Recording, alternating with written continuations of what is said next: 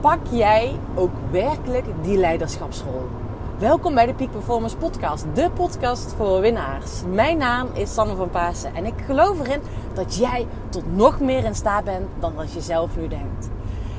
En weet je, het is mijn passie om jou echt in beweging te laten komen. En ik geloof erin, als jij je eigen spelregels bepaalt, dan win je altijd. Maar staan jouw spelregels ook op scherp, zodat je voluit jouw eigen koers kan bepalen, zodat je nog meer zakelijk gaat winnen zonder privé te verliezen? Nou, we gaan vandaag aan de slag met jouw leiderschapsrol. Jouw leiderschapsrol. Heb je die zelf al geoond? Own jij die? Hm, mooie vraag. En wat is dat nou precies? En hoe doe je dat? Afgelopen week heb ik, uh, nou ja, ik wil bijna wel zeggen, drie fantastische dagen gehad met opstellingenwerk. Uh, en als je deze podcast misschien al vaker luistert, weet je dat ik heel graag met uh, familieopstellingen werk, systemisch werken, systemisch coachen.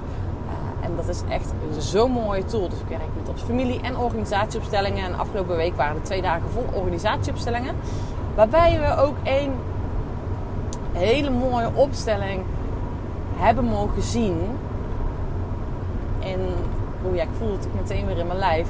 En dat was voor mij ook de trigger om deze podcast voor jou op te, op te nemen. En waarom dan? Deze uh, opstelling uh, die werd gedaan uh, voor een bedrijf met verschillende. nou ja, er zit, zit een Nederlandse, Nederlandse locatie, maar ook in andere landen zaten verschillende locaties op verschillende plekken. En dit was de directeur van Nederland die de vraag inbracht. En de vraag was: nou, waarom ze eigenlijk niet luisterden. Dat, daar kwam het op neer. Waarom de, de, nou, datgene wat, wat hij wilde dat zijn team ging doen, zijn commerciële team ging doen, maar dat dat niet opgevolgd werd. Dus waarom ze eigenlijk niet luisterden en waarom ze ook geen uh, feedback konden ontvangen.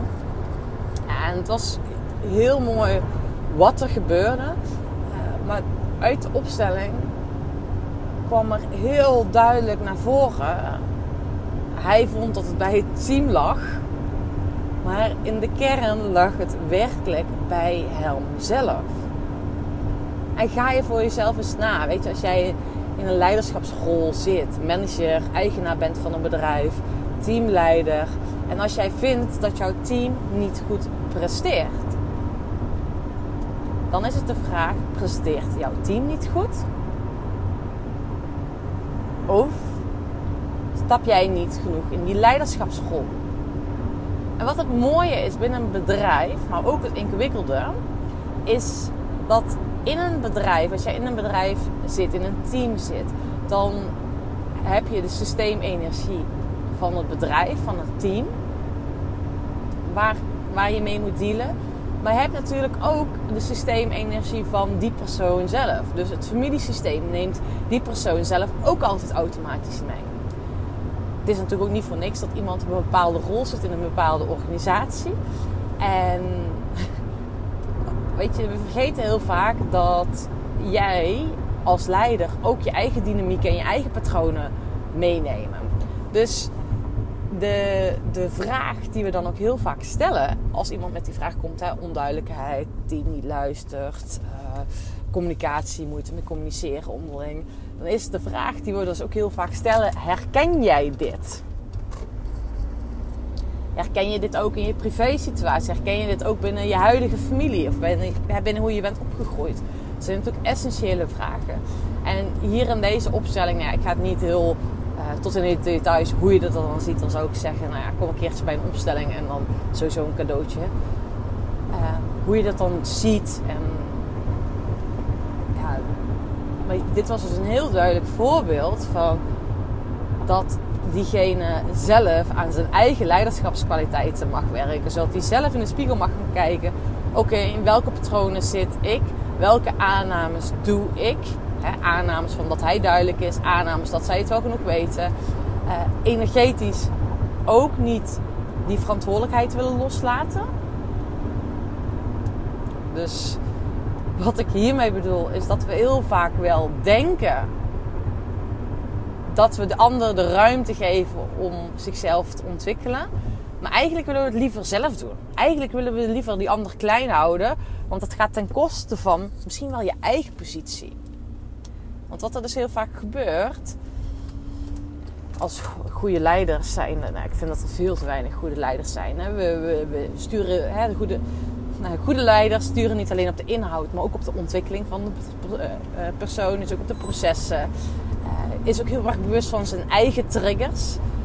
Dus een goede leider die weet, hé, hey, deze trigger, ik word nu getriggerd door mijn medewerker. Oké, dat is iets van mij. Eh, in plaats van dat, die, dat je in een soort van aanvalshouding wordt, dat je daar heel erg bewust wordt, hé, hey, dat is iets van mij, dat is mijn eigen patroon. En dat je daarin zuiver blijft. In plaats van dat je vanuit die emotionele kindstukken, want we zijn heel vaak niet volwassen in het leiderschap. We zijn een stelletje kinderen heel vaak in het leiderschap en het nemen van onze verantwoordelijkheid. En daardoor houden we die anderen juist zo klein en leiden we die anderen ook niet op. Nou, een goede leider, die wordt niet alleen vanuit, uh, is niet alleen vakinhoudelijk goed, maar juist heel erg goed in die management skills, in die managementlaag. Dat is essentieel. Echt essentieel. En bewustzijn van je eigen triggers. Hoeft niet zuiver te zijn. Je hoeft niet triggervrij te zijn. Maar wel heel helder hebben. Hé, hey, dit is mijn trigger. Maar dat weten we heel vaak ook niet. En dan nog het energetisch loslaten. Het energetisch de ander ruimte geven. Wat we onbewust heel erg vaak doen, is dat we nou, die ander dus energetisch klein houden. Omdat we bijvoorbeeld bang zijn dat die ander misschien nog wel beter wordt dan jou. Waardoor je je eigen positie af moet staan. En ik weet nog wel eens dat ik uh, een tijdje geleden een team heb gecoacht. En nou ja, ik, dat, is, dat vond ik echt wel heel bijzonder om dat bij mezelf uh, zo duidelijk waar te nemen. Ik werd uh, gecoacht op met een vraagstuk. Het vraagstuk was: uh, ga met, bij die sporters, er stroomt het niet, het was een groep topsporters. Um, is onduidelijk, wonen op een campus, heel veel onrust. Ga dan mee aan de slag, dan zorg dat daar die rust komt. Nou ja,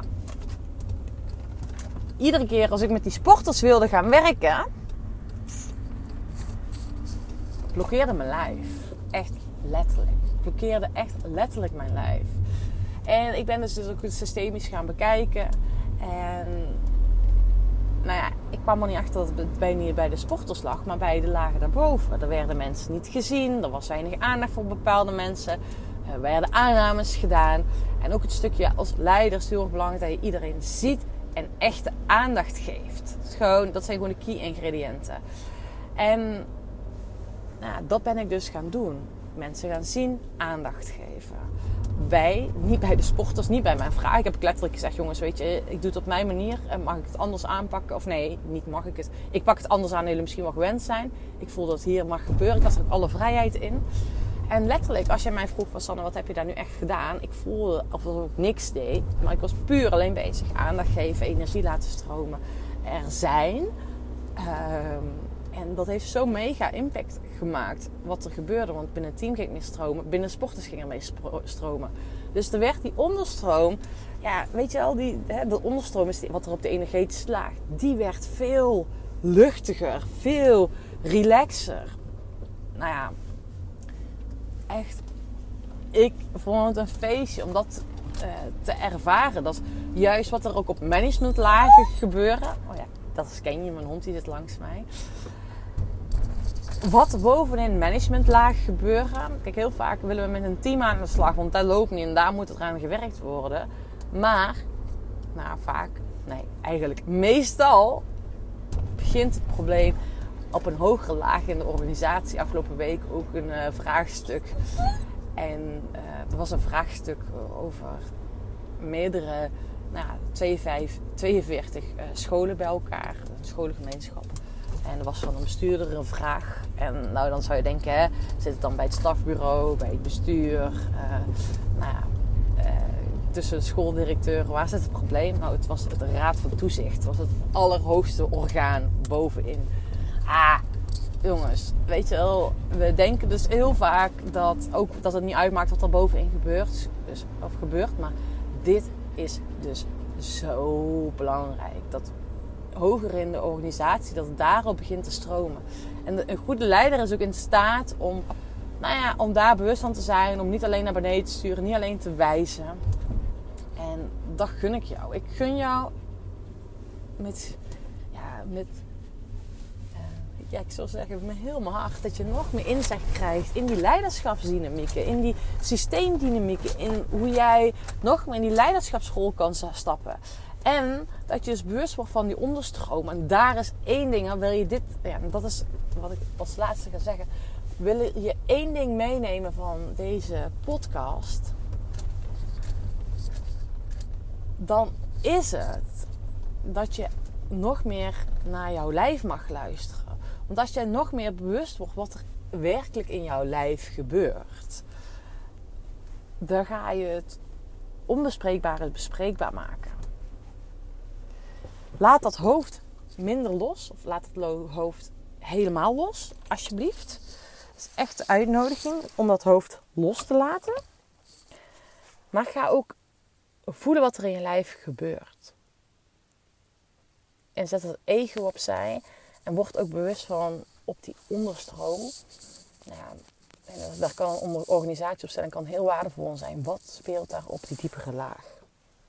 Wat speelt er op die diepere laag?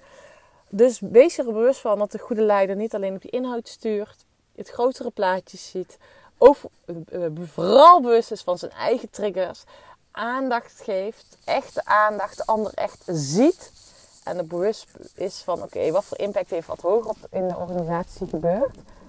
Wat is de impact in je team en weet dat er vooral op onderstroom speelt en niet wat er zomaar echt werkelijk zichtbaar is.